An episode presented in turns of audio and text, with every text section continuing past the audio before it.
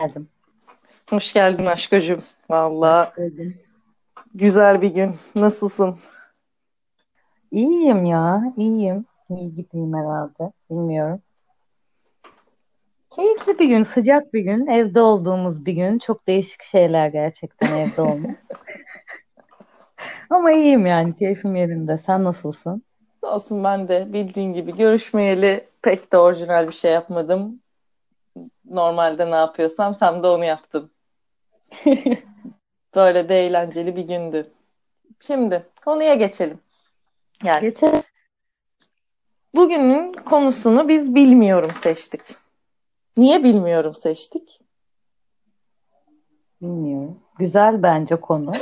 yani şey bir kere zaten tek kelimelik bir cümle. Kesin bunun daha afilli bir söylenişi vardır ama hani böyle sadece yüklemli cümle yapmışlar ya. Hani böyle bilmiyorum mesela. Sırf bunu bile konuşabiliriz. Ve nereye koysan gideri var.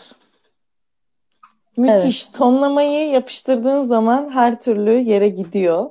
Fakat bizim esas olarak bilmiyorumla ilişkimiz aslında bu biz kimiz bu podcast'i niye yapıyoruz da söylemeye çalıştığımız gibi hani biz amatörüz ve konuşurken arkaya büyük bir kitaplığımız gelmiyor ve böyle müthiş hocam şimdi bu nasıl böyle deyip böyle büyük büyük konuşmalar da yapmayacağımız için bol bol bilmiyorum mu söylüyoruz. Siz de bu podcastlerde bilmiyorumu bol bol duyacaksınız. Çünkü çok basit bir şey. Bilmiyoruz. Yani her şeyi bilmiyoruz. Bir takım şeyleri biliyoruz.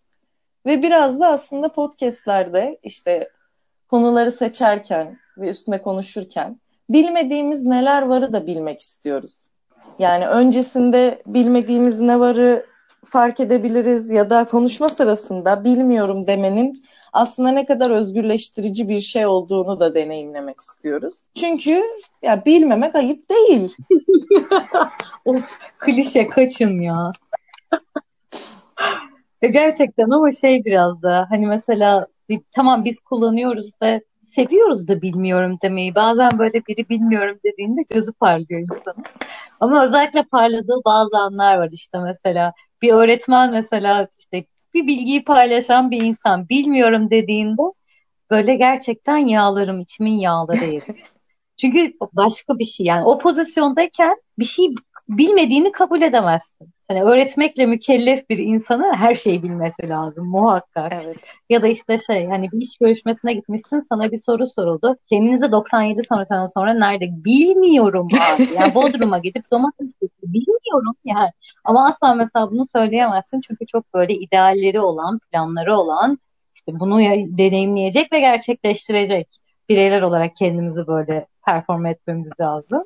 Ya da işte bir ebeveynin hani bu işte çok söylenir ya anne babalar hani 2-3 e, yaşındaki çocukların bu ne bu ne bu ne diye her şey hani sürekli bir anlam arayışı falan. Mesela o dönemde de hani yine kabul edilemeyen bir şey. Bilmiyorum diye bir cevap yok. Bilmek zorundasın. Ya da bilmiyorumu öyle bir der ki aslında kapa çeneni sus git gibi bir şey. Yani oradaki bilmiyorumu söylerken de gerçekten bilmediğini ima etmekten ziyade hani git artık başımdan bilmiyorumu gelir.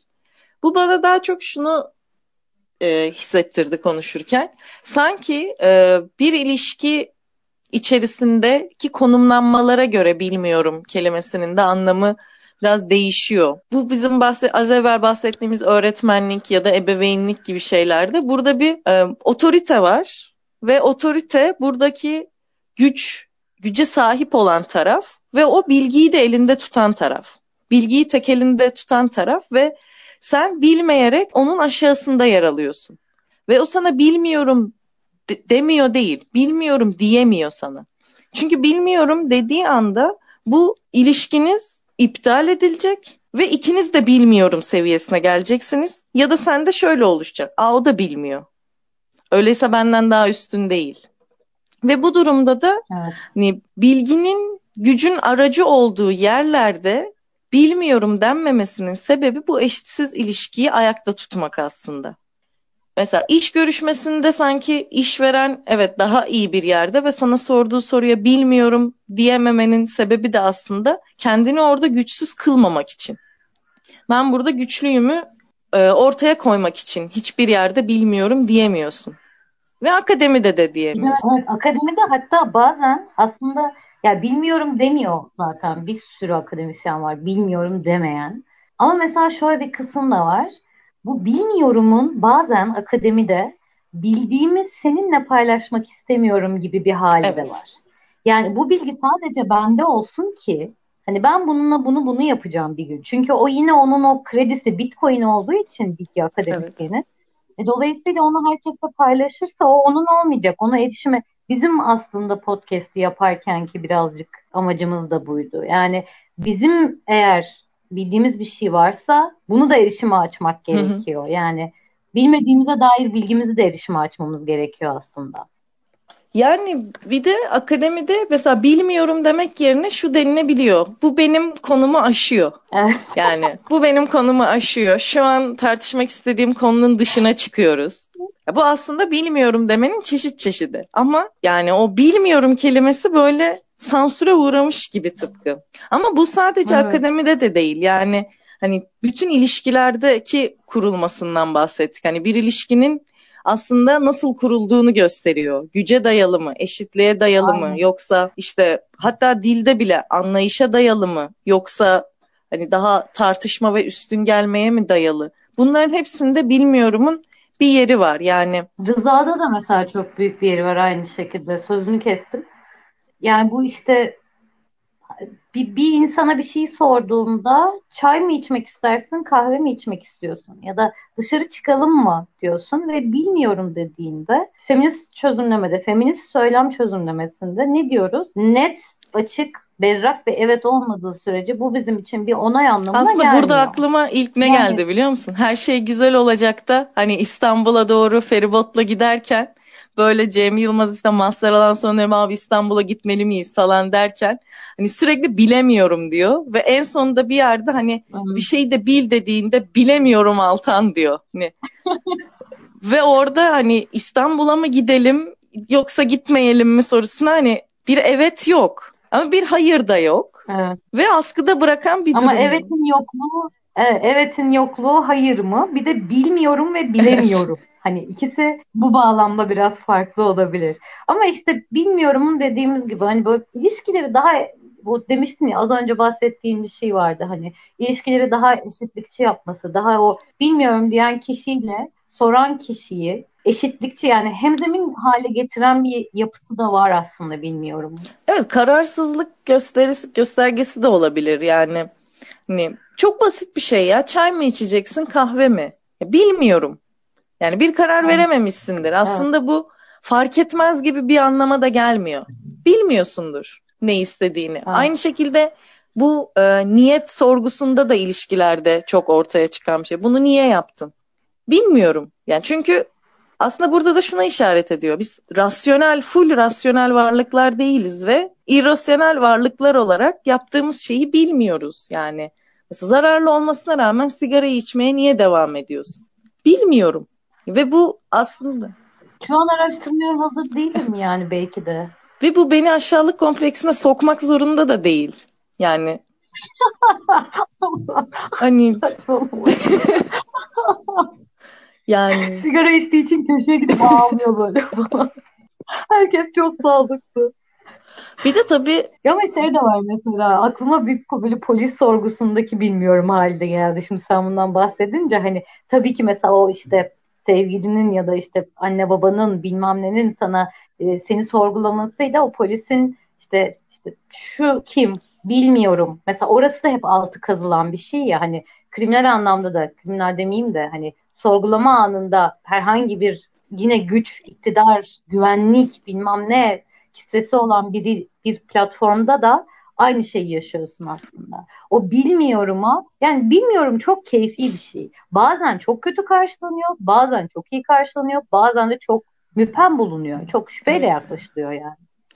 Ama bu bilmiyorumun şüphe uyandırdığı ve kötü karşılandığı şeyler sanki yine hep eşitliğin olmadığı, alt üstün olduğu bir şekilde bir güç ilişkisinin olduğu iliş, ilişkilermiş gibi geliyor. Yani şimdi bilmiyorum dendiğinde benim aklıma ilk gelen bence tarihte adını da yazdırmış ve bilmiyorumu göğsünü gere gere söyleyen tek kişi geliyor aklıma. O da Sokrates. Yani gerçi o bile bir kelime hmm. oyunu söylüyor. Yani bildiğim tek şey hiçbir şey bilmediğim gibi klişeleşmiş bir cümle söylüyor. Ama yine de şu önemi var bilmediğini kabul ediyor ve bilmediğini kabul ettiği şeyler gerçekten çok gündelik alanda tabii bizim için belki gündelik alanda demokrasi çok tartışılan bir şey değil ama ya da ahlakta iyi kötünün ne olduğu. Bu buraya bir efekti ekleyebilir miyiz burada lütfen? Ama yani hani biraz diyaloglarından bildiğimiz kadarıyla bunlar antik Yunan'da yurttaşların konuştuğu şeylermiş. Ve o bilgiyi işte satmak için kullanan ya da kendi aralarında e, bilgiyi nasıl diyeyim birbirlerini alt etmek için kullanan insanlara karşı sürekli bir bilmiyorum halinde ve soru sorma halinde gidiyor. Ve aslında derdi şu, haydi aramızda eşitlikçi bir ilişki kuralım ve bilgi senin elinde benim elimde olarak değil de kolektif bir yaratım olarak bilgiyi koyalım. Ve bu noktada bildiğimiz şey birlikte bildiğimiz şey olsun. Sadece senin bildiğin ve senin elinde tuttuğun bir gerçek ya da bir işte hakikat olarak bilgi değil. Yani tabii bu şey olarak hani Sokrates'in de iyi bir laf cambazı olmasını falan bir yere koyabiliriz tabii ki. Ben, ben de tam onu soracaktım. Yani Sokrates şu anda yaşasaydı böyle birlikte takılırdık gibi bir yere çıkıyor çünkü gittikçe. Ama yani o dediğin hani e, bildiği şeyden kuruyor yine cümleyi. Tabii orijinalini bilmiyorum, kaynak metnini bilmiyorum ama yine böyle bildiği şeyin bilmediğini, ya bildiğim şey bilmediğim falan gibi böyle sanatsal sanatsal yani ama yine de yine şuradan orada. da hakkını vermek gerekiyor. Bir insanın bilmediğini bilmesi de büyük bir erdem. Yani. Evet. Daha fazla böyle insana ihtiyacımız var bence. Çünkü yani aslında baktığımızda mesela bunu hadi Sokrates'i konuşurken felsefe geleneğinden bahsedeyim. Yani felsefe geleneği içerisinde hep o akademik bilgiyi tutan bir güç kişisi oldu yani. Filozof daima güçlü taraf oldu. Yani sıradan halk falan dedi bilgiye sahip olmayan insanlara ama Sokrates'te şöyle bir güzel bir şey de var hani bu bilmeme halini de tartışılabilir bir yere getiriyor ve aslında biz görüyoruz ki felsefe tarihinde bilmiyorum demenin yeri varmış. Ama bu bilmiyorum demek bir gelenek haline gelmemiş. Gelenek acilen kendini tekrar bilginin tekelle gelmesi. Yani filozofun bilginin hakimi olduğu bir gelenek çok hızlı bir şekilde yani Sokrates'ten hemen sonra Platon'la birlikte başlıyor ve bundan sonra böyle gidiyor zaten. Sonra da zaten işte hı hı. ne oluyor? 15. 16. yüzyılda zaten bilginin güç haline gelmesi hı. oluyor. Ve buradaki güç haline gelme de gerçekten insanlara istediğini yaptıracak kadar güç haline gelme. Hani o artık gerçekten ebeveyn çocuk ilişkisi. Senin iradeni kontrol edecek kadar biliyor o. Bizim şeydi mesela çeviri bilimden, dil bilimden birazcık böyle bu söyleme girmeye çalıştığım zaman seni dinlemeye o kadar dalmışım ki böyle bir süre duvara baktım.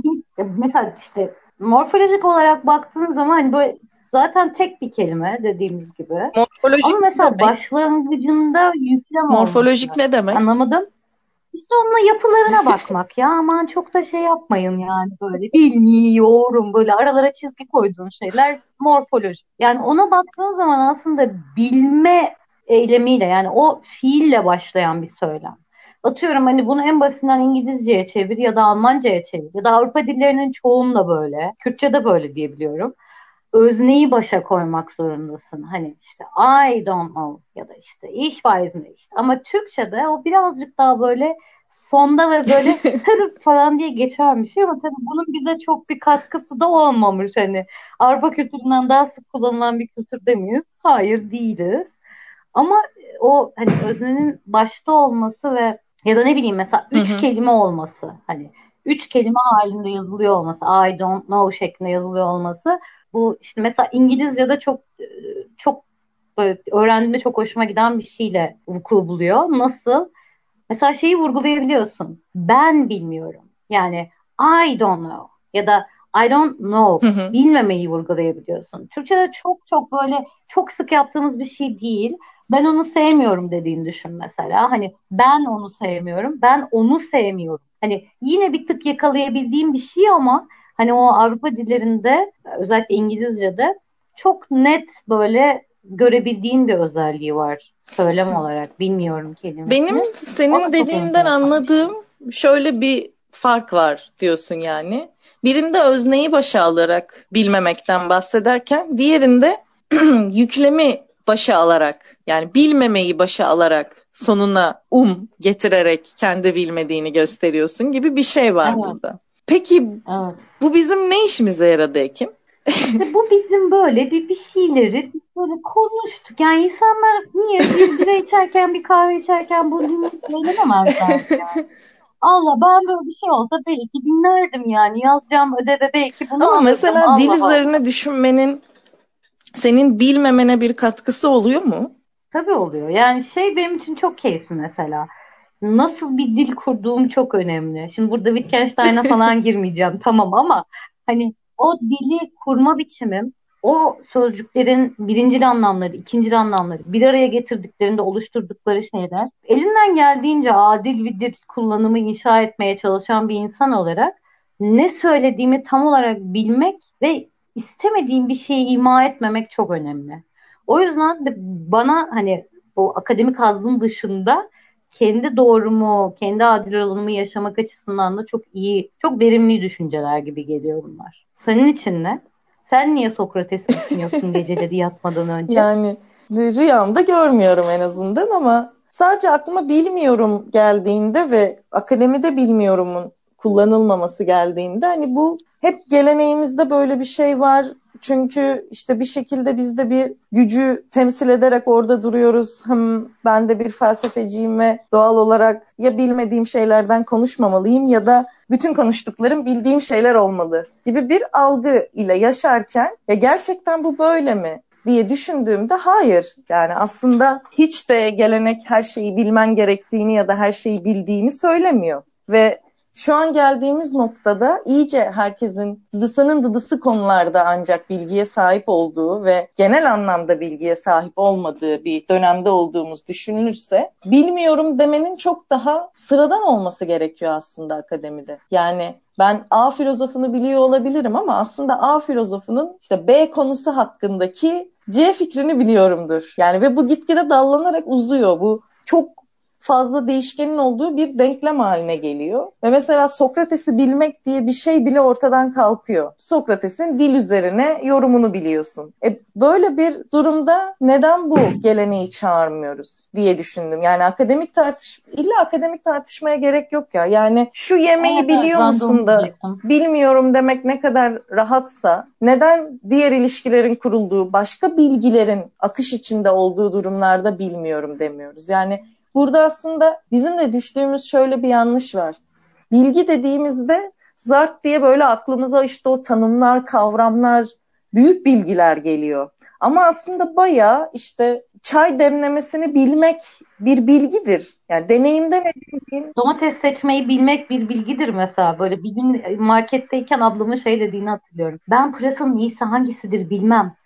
Hani mesela bu, bu bile o, onun hayatını kolaylaştıran bir şeyse yani illa o zeminin akademik olmasına gerçekten gerekiyor. Mesela ben şeyi çok merak ediyorum. İnsanlar bunu dinlerken ne kadar ne kadar bilmiyorum dediklerini acaba hiç düşündüler mi? Çünkü bu, bunu konuşacağımızı tasarladığımız andan itibaren hep böyle şey düşündüm. Ben ne kadar bilmiyorum diyorum acaba? Ya da böyle mesela seninle konuşurken falan dediğimiz bilmiyorumlara daha fazla Hı-hı. dikkat etmeye başladık. Böyle bence dönüştürücü bir etkisi de var. Yani bir de bilmiyorum dediğin zaman dedim ya yani neyi bilmediğini fark etmenin şöyle güzel bir yanı var. O zaman geri dönüp bunu bilebiliyorsun. Doğru domates seçmeyi öğrenebilirsin. Evet. Etrafında diğer domates seçen insanlara bakarsın ve neye göre seçtiklerini fark edersin ve buna göre domates seçmeye devam edersin. Ama böyle bunun daha kötü versiyonu bilmediğini bilmemek. Yani biliyorum evet. yanılgısıyla yaşamak. Bu, bunu istediğimiz gibi uzatabiliriz. Sen dilcisin, ben felsefeciyim. 72 farklı cümle kurarak bilmiyorum diyebiliriz yani. Hmm. Evet. Ama tamam tamam yeter ama bir günlük bence 20 dakika yeter. Bana bana da yeter. Bu kadar yeter. Şimdi gidip kendimi saçma sapan tamam. şeylere gömmek istiyorum. Değil, limonata falan yapayım. Balkona güneş gözlüğümü takıp balkona çıkayım. Güneş kremi falan süreyim. Ben de bir Böyle yani. köpekle dolaşayım bari. O da geldi gözümün içine bakıyor. O zaman Siz de bu kaç kere bilmiyorum dediniz. Bir gün içerisinde kaç kez bilmiyorum dedik. tamam, buna odaklanalım. Bir sonraki tamam. Bir dahaki bir sonraki bölümde ne konuşacağımız tamamen heyecan verici bir durum. Hadi görüşürüz aşkocum.